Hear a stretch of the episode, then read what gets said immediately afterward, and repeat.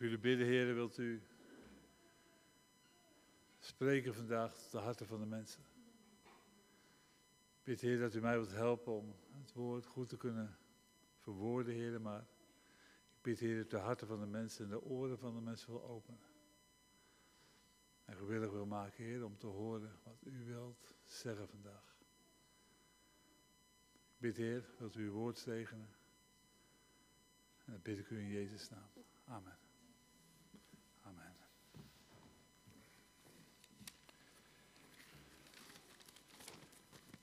Het laatste lied dat wij gezongen hebben. Uw liefelijk aangezicht wil ik altijd voor me zien.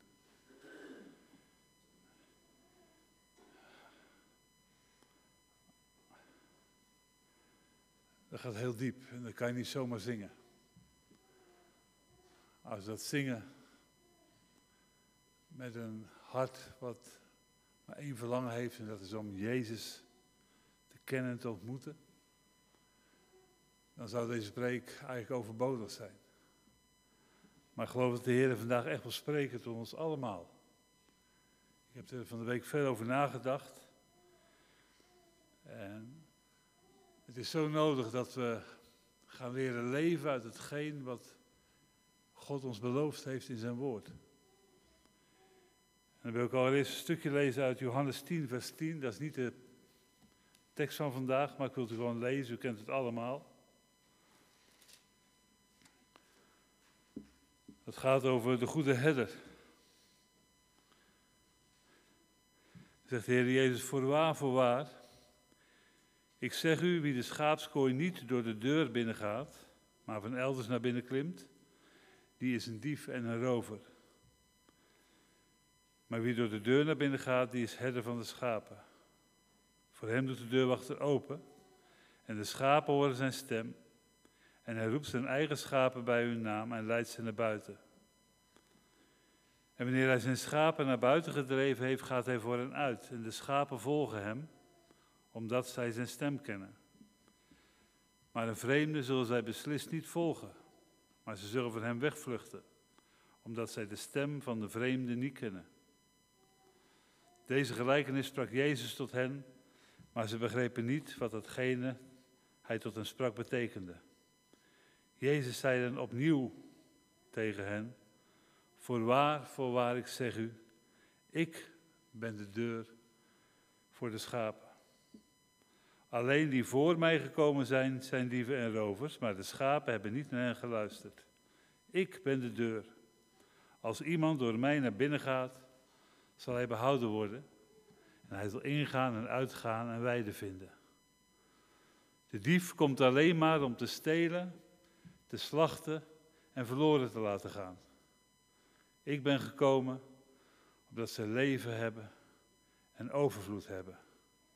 Ik ben de goede herder. De goede herder geeft zijn leven voor de schapen. Dit is een heel belangrijk stukje in, in de Bijbel. Als de Heer Jezus zegt dat Hij de deur is, dan betekent dat dat er geen andere weg is om zalig te worden. Er is maar één weg waardoor wij binnen kunnen komen. En over dat binnenkomen betekent behouden kunnen worden. En dat is door Jezus Christus, de Zoon van God. De goede herder. Hij die zijn leven heeft gegeven voor de schapen. Isaiah zegt, we waren al als, we dwaalden al als schapen en gingen ieder onze eigen weg. Ik zal het even voor u lezen, Isaiah 53 is dat. Vers 6. Wij dwaalden alle als schapen, wij keerden ons ieder naar zijn eigen weg. Maar de Heere heeft de ongerechtigheid van ons allen op hem doen neerkomen. De Heere heeft zijn leven voor u en voor mij gegeven. En dan komen we weer bij Johannes 10, vers 10 uit.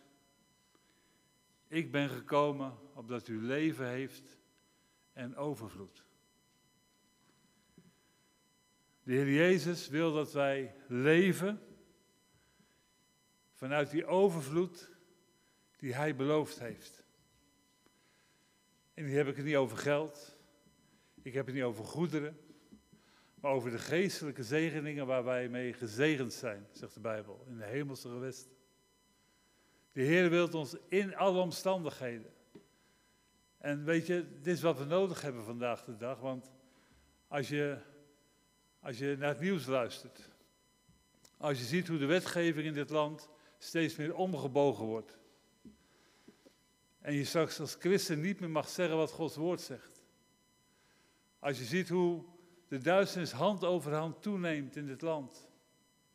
Dan zullen we nodig hebben om te kunnen nemen vanuit die overvloed die Jezus ons beloofd heeft. En die overvloed, dat is rust. Die overvloed is vrede. Dat is een overvloed dat we altijd bij Hem mogen komen en mogen leven vanuit die genade die Hij ons geeft. Door de moeite en de zorgen heen. Je heeft zo gezegd, in de wereld leidt gij verdrukking. Heeft niets met bangmakerij te maken, maar de Heer heeft ons alvast gewaarschuwd van jongens, het zal niet makkelijk worden. Maar in die moeite wil ik dat je leven hebt en overvloed. Van een rijkdom. Om te weten dat we kunnen leven vanuit die overvloed. Maar als we dan om ons heen kijken. Laat ik voor mezelf spreken, als ik dan om me heen kijk. En ook naar mezelf kijk af en toe. Hoe weinig leven we dan vanuit die overvloed of in die overvloed die Jezus ons beloofd heeft. Herkent u dat een beetje? Dat soms het allemaal zo schraal lijkt. Dat we roepen, Heer, waar bent u nou? Terwijl de Heer er gewoon is. Hoe werkt dat dan? Hoe kan ik die overvloed waar Jezus over spreekt, hoe kan ik die gaan ervaren? Hoe kan ik daar vanuit gaan leven? En dan komen we bij de tekst van vandaag en dat is Marcus hoofdstuk 10.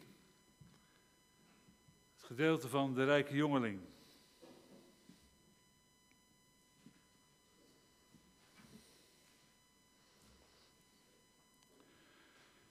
Marcus 10 vanaf vers 17. En toen hij naar buiten ging, dan gaat het om de Heer Jezus, om op weg te gaan, snelde er iemand naar hem toe, viel voor hem op de knieën en vroeg hem, Goede meester, wat moet ik doen om het eeuwige leven te beërven? En Jezus zei tegen hem, waarom noemt u mij goed? Niemand is goed, behalve één, namelijk God. U kent de geboden, u zult geen overspel plegen, u zult niet doden, u zult niet stelen, u zult geen vals getuigenis afleggen, u zult niemand benadelen, eer uw vader en uw moeder. Maar hij antwoordde hem, meester, al deze dingen heb ik in acht genomen van mijn jeugd af. En Jezus keek hem aan en had hem lief. Vind ik mooi, hè? Dat de Heer, iemand die zegt, Heer, wat moet ik doen om het eeuwige leven te ontvangen, dat de Heer naar hem kijkt met liefde. Zoals hij naar u en mij keek en nog steeds kijkt, maar ook al naar ons keek toen we nog in de zonde waren, met liefde. En hij zei tegen hem, één ding ontbreekt. Eén ding ontbreekt u. Ga heen, verkoop alles wat u hebt en geef het aan de armen. En u zult een schat hebben in de hemel. En kom dan, neem het kruis op en volg mij. Hij werd treurig over dat woord en ging bedroefd weg, want hij had veel bezittingen. Ik heb een stukje een aantal malen gelezen van de week. Wat moet ik doen om het eeuwige leven te beërven? Het leek wel een Nederlander. Wat moet ik doen? Altijd maar proberen te werken. Hij had de wet gehouden, zei hij. En hij wist dat dat niet genoeg was. Wat moet ik doen? Wat er gedaan moest worden, is al gedaan. Toen Jezus aan het kruis uitriep, voldaan, volbracht, gedaan, toen was het voldoende. Jezus heeft voor u en voor mij en voor ieder die wil geloven de prijs betaald omdat we alleen maar hoeven te kijken en te zien op Jezus.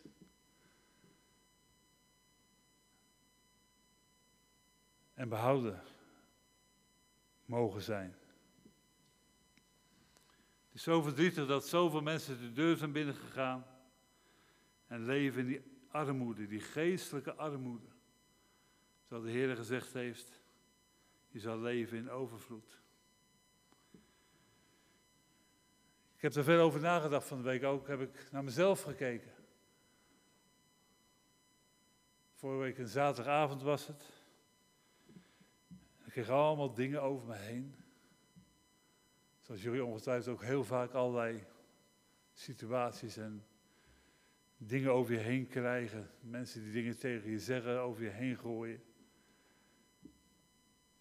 En in plaats van dat ik nam vanuit de overvloed die God ons beloofd heeft in zijn woord. In plaats van dat ik zag op hem. Uh, raakte ik ontmoedigd. En als je dat laat, dan denk ik, heren, wat moet ik u daar verdriet mee gedaan hebben? Dat ik niet gezien heb op u. Dat ik niet gekeken heb naar wat u gedaan heeft voor mij. Ook die zorgen en ook die lasten, die heeft u gedragen aan het kruis. Ik mag ze bij u laten, ik mag zien op u. En ik mag gaan nemen uit hetgeen u beloofd heeft en dat is rust. Dat is vrede. Dat is teruggeven aan u. En me verheugen in u. En ontspannen worden. En van de week dacht ik erover na. Toen ik, ja, het is zo belangrijk dat we eigenlijk iedere dag, als we in de stilte komen met de Heer. En ik raak er steeds meer van overtuigd dat dat onontbeerlijk is. Dat we dat echt nodig hebben. Dat we ons afvragen, God, ben ik op dit moment de man of de vrouw die u wilt dat ik nu zal zijn? Heer, leef ik op een manier die u behaagt? Zijn mijn doelen uw doelen? Of beter gezegd, zijn uw doelen mijn doelen? Ik geloof dat iedereen die hier zit vandaag, en ik ken u allemaal, ik denk dat u echt een verlangen hebt om de Heer Jezus te dienen, dat u hem lief heeft. Anders zou u hier niet zijn en zou u ook niet luisteren naar hetgeen wat de Heer vandaag wil zeggen. Als u kijkt naar de Bijbel, naar David, die was een man naar Gods hart, maar hij was verre van perfect. Was een man die, om maar één dingetje te noemen, ik ga al zijn zonde niet benoemen natuurlijk. Hij was een man die overspel pleegde, die een allemans vrouw nam, die de man doodde. En zegt de Bijbel toch, hij was een man naar Gods hart. En dat is geen foutje, want alles wat in de Bijbel staat is door Gods geest geïnspireerd. Dus God wilde dat wij wisten dat David een man naar zijn hart was. Ondanks wie hij was. Ik hoorde eens iemand zeggen, weet je hoe dat komt? Omdat David, als hij zich bewust werd van zijn zonde, dat hij niet talmde, dat hij niet treuzelde, maar dat hij meteen op zijn knieën ging. En God smeekte, Heer, vergeef me, had berouw van zijn zonde. En ik, ja, dat geloof ik. Dat is een heel aannemelijke verklaring. Niemand van ons is perfect, maar als we allemaal dat oprechte verlangen hebben om dichter bij Jezus te leven, om onszelf over te geven aan Hem, om als een zondige niet langer te wachten met, met, met excuses te verzinnen of onze nek stijf te houden, heb ik het ook over karakter. Sommigen kunnen zo ontzettend bot zijn, ik ben er één van. Maar om gewoon je nek te buigen en zeggen, Heer, ik heb gezondigd. Wilt u mij vergeven? Want ik wil op u lijken. Ik, ik wil niet vasthouden van wie ik ben. Of daar trots op zijn. Ik wil op u lijken. En als we onszelf op willen geven, dan maakt dat ons ook mensen naar Gods hart. Heel vaak als ik bid en ik geloof dat het bij u niet anders zal zijn. Dan ben ik, Heer, ik wil u kennen. Ik wil uw stem horen, Heer. Ik wil uw tegenwoordigheid zo ervaren. Dan zit ik in mijn stoel in de kamer en ik, Heer, ik wil uw heerlijkheid zien in ons midden, in de gemeente. Ik wil zo graag een goede dienstknecht zijn. Opdat de wereld zal zien wie u bent. Herkent u dat? Bidt u dat ook wel eens, Heer? Ik wil zo graag uw heerlijkheid zien, uw kracht zien in mijn leven. En wat zegt de Heer dan? Wat, wat antwoordt de Heer dan? Hoort u dan zijn stem als hij tot u gaat spreken? Hoort u zijn stem als hij u als het ware in zijn aanwezigheid wil trekken in die innige, innige gemeenschap met hem? Want dat is Gods verlangen. God roept u. God roept zijn gemeente, zijn bruid, zijn volk om dichter en inniger met hem te leven. Weet u waarom? Hij wil ons klaarmaken, omdat hij spoedig wederkomt. En hij wil zijn bruid maken tot een, tot een stralende bruid, zijn gemeente tot een gemeente zonder vlek of rimpel. Hij wil u door zijn heilige geest reinigen, vrijmaken. De Heilige Geest die spreekt tot een ieder die wil luisteren. Want dat is een voorwaarde. Tot een ieder die wil luisteren, die de tijd neemt om te luisteren naar Hem. Om aan te wijzen wat er in jouw leven is, in uw leven is. Wat verhindert dat u God kan dienen met heel uw wezen.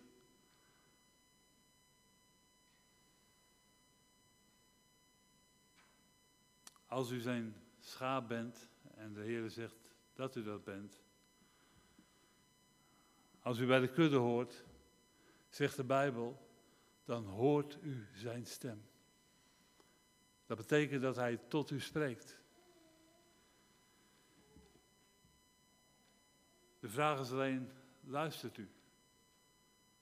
Want u zegt misschien, ja, ik hoor God helemaal nooit spreken. Nee, luistert u dan wel? Gaat u, neemt u wel de tijd om te luisteren naar de stem van God in uw leven. Weet u, de, de zorgen van het leven,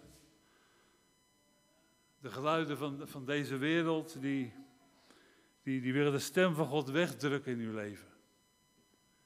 Die willen dat als God tot u spreekt, dat die stem weggedrukt wordt en de wereld en de zorg overschreeuwen zijn stem. Als we gewoon maar doorleven. En de Heilige Geest, iemand zei het is een gentleman, die gaat niet in uw oor staan schreeuwen. Maar hoe kunt u dan de stem van God horen? Ik denk, en ik ben er steeds meer van overtuigd, dat we s morgens tijd moeten gaan nemen om te zitten met God. Dat u echt in de stilte gaat. Doe de ramen maar dicht. Dat ook de geluiden van buiten niet binnenkomen, want het moment dat u besluit, ik ga, ik ga naar mijn vader toe, ik ga de stem van God wil ik horen. Dan wordt het druk buiten en de boze zal proberen allemaal gedachten af te schieten. Daarvoor is het zo belangrijk dat we altijd die helm des heils op ons hoofd hebben. dat we gevuld worden met gedachten van vrede van God. Dat we die geestelijke wapenrusting aan hebben. Dan kunnen we in die binnenkamer komen waar de Bijbel ook over spreekt. En God ontmoeten. Vroeger was ik iemand die, nou ik ga wel lopen en wandelen. En ook dan had ik ontmoetingen met de Heer soms hoor. Maar zo vaak kwam ik mensen tegen. En dan babbelden we over alles en nog wat. En voordat ik wist was ik aan de uitgang van het park of van het bos waar ik dan woon. En ik ging naar huis. En de tijd die ik met God in mijn gedachten had, die was voorbij. En sorry God, maar ik heb meer te doen. Dus mijn leven ging verder. En ik had niet echt gemeenschap met God gehad. Natuurlijk had ik een, een verlanglijstje bij de Heer neergelegd, maar ik had niet de tijd genomen om te luisteren naar zijn stem. Of dat de Heer misschien ook iets aan mij vroeg. Of iets tegen mij zei. Het is zo goed om te leren luisteren naar de stem van God, om u te concentreren op God. Neem er de tijd voor.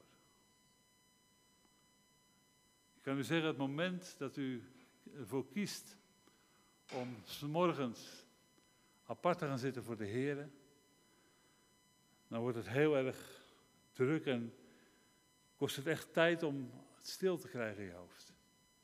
Maar neem die tijd. U heeft het nodig. U moet met God spreken. Ik kreeg eens een boek met de titel Ik heb het te druk om niet te bidden. En zo is het precies. Ons leven is te druk om niet eerst met God geweest te zijn. Om te horen wat God van ons vraagt. Ik geloof als we ons meer zouden richten op God, als we meer tijd zouden nemen om met Hem te zijn, vroeg in de morgen. En ook dat kost wat, want dan moeten we toch nog wel iets, eerder uit ons bed. Maar ik geloof als we dat zouden doen, dan zouden we meer in staat een overwinnend christelijk leven te leven, als dat we op dit moment doen. Het is zo belangrijk als we de Bijbel lezen. En dat doen we ook dan in de ochtend als het stil is. Dat we zoeken naar de stem van God in zijn woord. Gods woord is levend en krachtig, dat geloven we toch. Als we Gods woord lezen, wat we ook lezen, dan wil God iets tot u zeggen. Dan spreekt God tot u. Hij wil een gebied in uw leven aanwijzen waar hij het op dat moment met u over wil hebben. Zoek naar zijn stem. Zoek naar wat hij u wil zeggen in zijn woord. Want God wil tot u spreken, dus richt uw gedachten op hem. En laat de wereld de wereld. Laat uw werk uw werk. Laat uw zorgen uw zorgen. Die wachten wel hoor. Jaren geleden, toen Els en ik in de bevrijdingsbediening kwamen.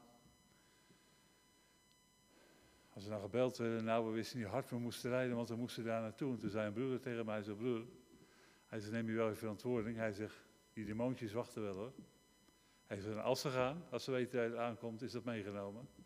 Hij zegt maar, hou je aan de wetten. Dat vond ik toen zo ongeestelijk van die man. Want ik was op weg natuurlijk om, om een bediening uit te voeren.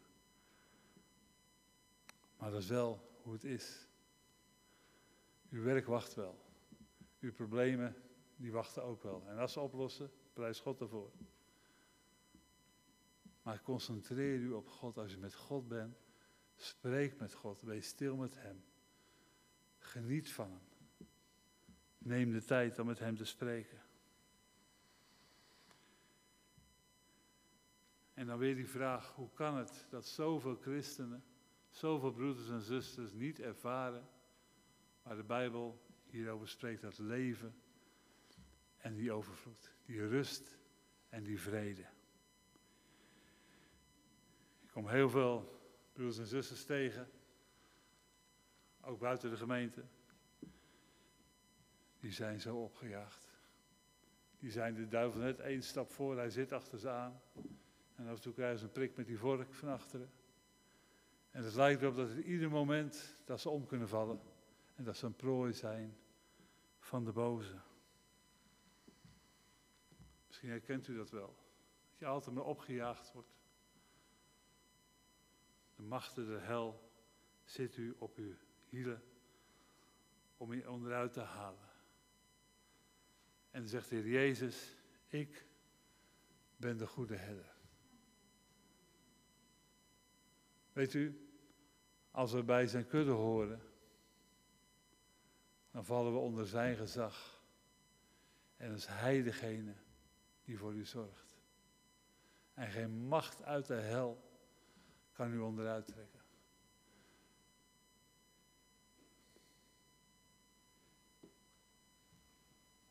Jaren, geleden zat ik in een dienst in, in Amerika, dat was bij broeder Swaggart. En zegt hij, de duivel wil je wijsmaken dat hij je kapot gaat maken. En dat hij je leven onderuit zal halen. Hij zegt, als hij dat kon, had hij het al lang gedaan. Maar hij kan het niet, omdat Jezus jouw herder is. Hij is jouw Heer. En vergeet het nooit. Jezus is jouw Heer. En Hij wil dat je leeft in overvloed. Hij brengt je naar grazige weiden. Psalm 23. Laat je niks wijs maken.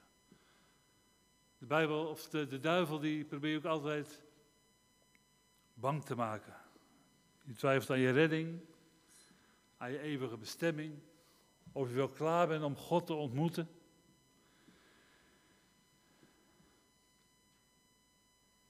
Om te beginnen met het laatste. U hoeft niet te wachten om God te ontmoeten. U kunt hem nu ontmoeten. U kunt hem ieder moment van de dag ontmoeten in gebed. Als u in een relatie met hem leeft, en dan moet je gewoonte van maken. En dat is wat we nodig hebben nu. U kunt hem ieder moment van de dag ontmoeten, dus daar hoeft u zich geen zorgen om te maken. Er is een overwinnend leven. Er is een, een overvloedig leven. In hem waar rust en vrede heerst. Waar geen twijfel is van ben ik behouden. Waar geen twijfel is van ga ik naar de hemel.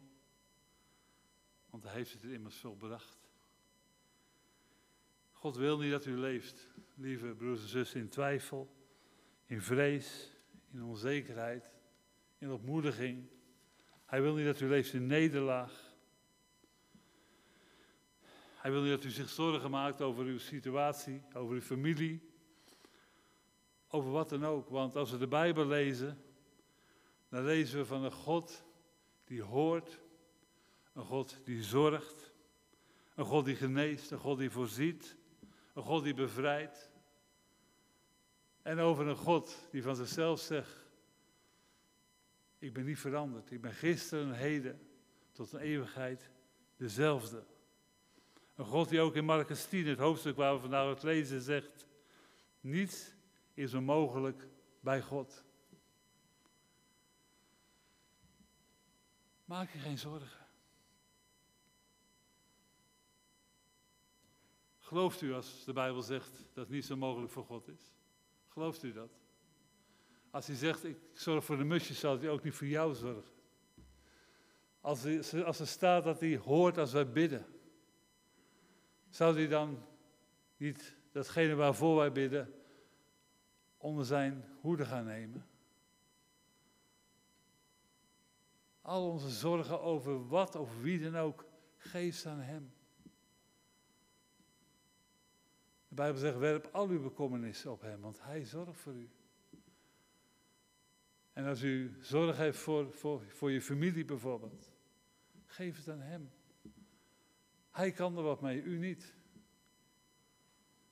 De boze wil alleen je tijd roven door al deze dingen. We hebben het zo nodig om in een diepere relatie met God te leven. Om stand te kunnen houden. Om te blijven staan in de tijd waarin we leven. En vooral in de tijd die gaat komen. Er komen zware tijden aan, broeders en zusters. En dan is het nodig dat we niet geloven of leven op het geloof van een ander. Of dat we een paar mooie uitspraken van een grote prediker kunnen quoten. Maar dat we een relatie hebben met God. Dat we leven in een intieme relatie met Hem. En vandaag is de dag dat u die keuze moet gaan maken. U kunt het niet uitstellen. Vandaag moet u kiezen. Ik kies voor Jezus alleen.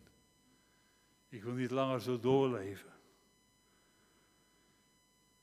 Weet u, als u deel uit wil maken van die gemeente zonder vlek of rimpel, dan kunt u niet doorgaan als een lauw christen. En als u zich aangesproken voelt, ben ik er blij om. Doe er wat mee alsjeblieft. De Heer zegt, was geen maar warm, of was je maar koud, maar omdat je lauw bent zal ik je uit mijn man spugen. Dat is vreselijk als je dat moet horen. Deze man, die jongeling, die rijke jongeling, die, die hoorde bij Gods volk. Maar had geen zekerheid. Wat erg is dat?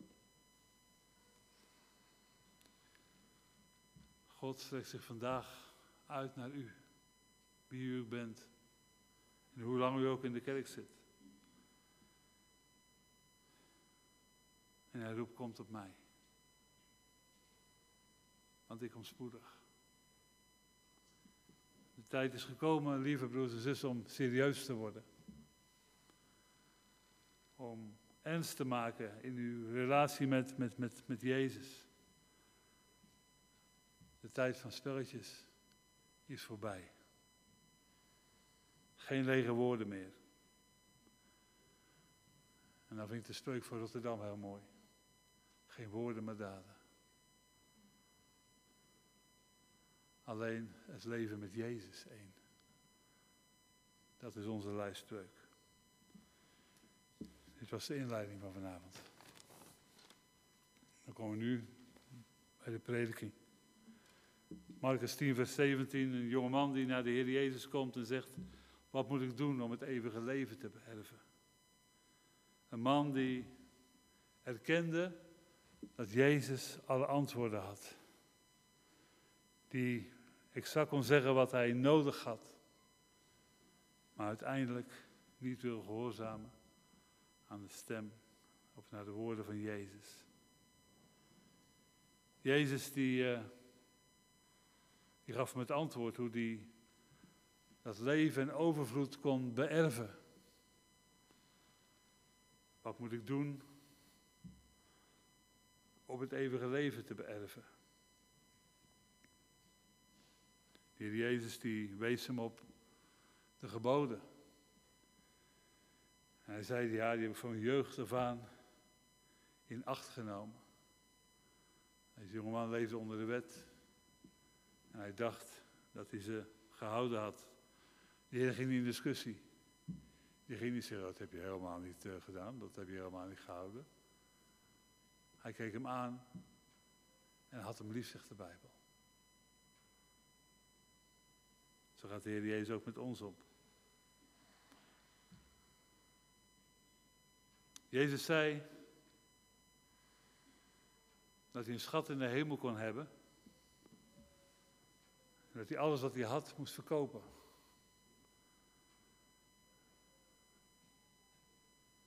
En die jongen ging weg, bedroefd. Daarvoor zei de Heer Jezus, één ding ontbreekt u. Er was één ding wat hij tekort kwam om het eeuwige leven te beërven. En lieve mensen, dat was niet dat hij rijk was. Want de Heer die vraagt van ons echt niet dat we allemaal alles van ons gaan verkopen en aan de armen geven. Het ging de Heer Jezus om. Ben jij bereid om te doen wat ik van je vraag? Wil je je totaal aan mijn wil committen, overgeven? Wil je je daarna verbinden? Het ging niet om het geld, het ging niet om zijn, zijn rijkdom, maar het ging erom, wil je doen wat ik van je vraag? Wil je je totaal aan mij overgeven? En deze jongen ging verdrietig weg. En lieve mensen, let u op. Ook vandaag de dag zegt de Heer Jezus tegen heel veel kinderen en mensen in zijn huis: één ding ontbreek je.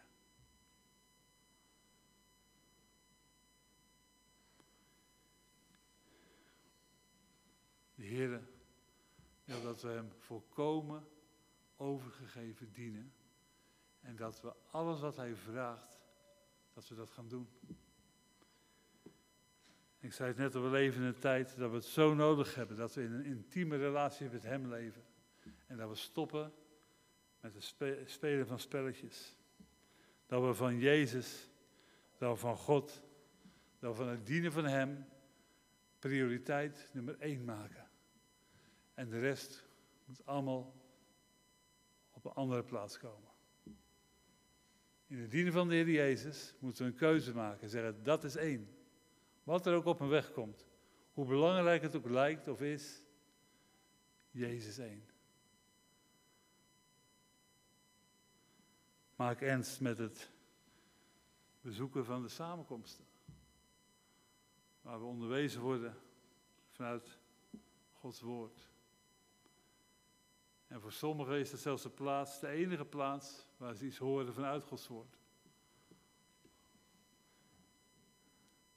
Omdat er mensen zijn die zelfs Gods woord niet lezen. Het ging dus niet om de rijkdom. Want de mensen die, die daar stonden zeiden ook, ja, wie kan er dan nog in de hemel komen? En toen zei de Heer Jezus, en dat was een stuk verder. Bij mensen is het onmogelijk, maar niet bij God. Want bij God zijn alle dingen mogelijk. Wie u ook bent, wat u ook heeft of niet heeft. Bij God zijn alle dingen mogelijk. Hetgene wat hij miste was de toewijding aan de Heer. Hij was te veel verbonden aan de dingen van deze wereld. Zijn geld en misschien zijn spullen waren zijn afgoden geworden. En hij was niet bereid om het over te geven aan de Heer. Om zich volkomen aan Hem toe te wijden. En dat is precies wat we ook heel vaak vandaag de dag in de gemeente van God zien. En nogmaals, de Heer kijkt ons aan met liefde. Er is geen oordeel bij God. Er is geen veroordeling bij God. Er is een roep, een verlangen van komt op mij en geef je helemaal aan me over. Het is genade dat hij deze dingen laat klinken, daar ben ik echt van overtuigd. God zegt vanmorgen tegen u, het is tijd om je keuze te maken. Om je volkomen aan mij toe te wijden. Met liefde. Mijn vraag vanavond, wat is hier op uw antwoord? Als er dingen in uw leven zijn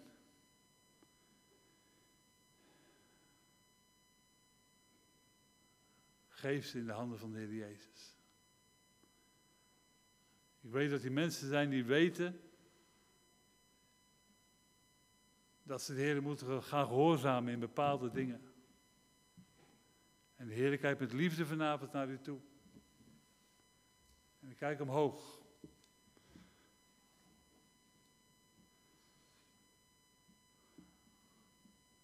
Niemand zich veroordeeld zou voelen. Maar de Heer roept u vanavond. Gods liefde strekt zich uit naar u. Hij wil uw hele leven in zijn handen nemen. Opdat u kunt leven vanuit die overvloed. Opdat u mag nemen van alles wat hij heeft bereid voor u. En dat is zoveel meer dan dat wij kunnen bedenken. Wat een vreugde en wat een, wat een getuigenis ook. Als we te midden van een, een roerige wereld waar mensen bang zijn voor, voor virussen, voor oorlogen. Als we kijken Oekraïne, ik hoorde gisteren weer dat Poetin vastbesloten is deze week nog binnen te vallen in Oekraïne. In wat voor tijd leven wij? Want Europa gaat zich bemoeien, Amerika gaat zich ermee bemoeien. Maar wij bevreden in ons hart door de Heer Jezus Christus. Wat voor virus er ook komt, wij bevreden in ons hart door de Heer Jezus Christus. Want we weten, we zijn gekocht en betaald met zijn bloed. En we zijn erfgenamen van al hetgeen waar Hij voor betaald heeft. Waarom teruggaan naar de dingen van de wereld? Terwijl u niet meer van uzelf bent. Geef uw wil over in de handen van de Heer Jezus. Geef uw leven over in de handen van God. En wijd u toe in Hem. En Vader God, wil u danken voor uw liefdevolle stem. Dank u, Heer, dat u nooit opgeeft aan ons. Maar dat u ons blijft trekken. Dat we komen in onze bestemming, Heer, en dat is dat leven en overvloed. Dat is die rust en die vrede die u wil geven, Heer. Die kracht die u wilt geven. Heer, die beantwoording op onze gebeden. Die vreugde, Heer, die, die blijdschap. Maar ook de voorziening, Heer, want u bent ook onze voorziener, Jehovah Jireh. U voorziet in al onze noden. Of het nou geestelijk is, of het natuurlijke. En daar wil u ook voor danken, Heer. Ik bid, Heer, dat u zelf de naprediker wil zijn in de harten van ieder die het gehoord heeft. En dat u het uit wil werken, Heer. Opdat uw naam eer mogen ontvangen. Opdat de wereld zal zien wie u bent. Een liefdevolle vader. Die wil dat het goed gaat met zijn kinderen. Heer, dank u voor uw liefde. En dank u dat u mij geholpen hebt vanavond, Heer. Dat u mij kracht gaf in mijn lichaam. Heer, we hebben u lief. En we willen u nog gaan bidden, Heer, met één laatste lied. Als we zo met elkaar levende offers zingen. Heer, dan doen we dat, Heer, omdat we zoveel van u houden. Dat we maar één doel hebben, Heer, en dat is uw doel nastreven. Ons leven tot eer van uw naam leven. En doen wat u van ons vraagt. Op alle gebieden. Heren, dank u wel dat u ons zo'n goed voorbeeld heeft nagelaten. Dank u wel, heren, dat u zelfs uw geest in ons heeft nagelaten, de Heilige Geest. En dat u ons die gegeven heeft en dat u ons leidt in alle waarheid, en dat u ons kracht geeft. En dat we ja, door Hem, door die geest, het onmogelijke in ons leven zien gebeuren en om ons heen. Heer, ik heb u lief. Wij hebben u lief. En we danken u voor deze avond. We bidden, Heer, als we van hier gaan, dat het niks meer hetzelfde zal zijn, Heer, maar dat we als uw toegewijde kinderen in deze wereld, Heer, een licht mogen verspreiden, wat helder en klaar is en wat spreekt over u. En waar de wereld jaloers op zal worden, dat ze ook zullen komen en aanbidden. Heer, ons leven is van u. We danken u voor wie u bent.